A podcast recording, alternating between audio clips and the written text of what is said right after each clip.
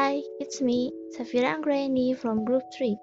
Here, I'll explain about the application of reported speech. The first, present continuous. In positive sentence, example, she is going to the hospital to check her condition. In negative sentence, she isn't going to the hospital to check her condition. And in interrogative sentence, is she going to the hospital to check her condition? Second, might. Example, she's afraid you might have a terrible disease. Third, be going to. Example, my father and I are going to the hospital to take a medical checkup. Fourth, may.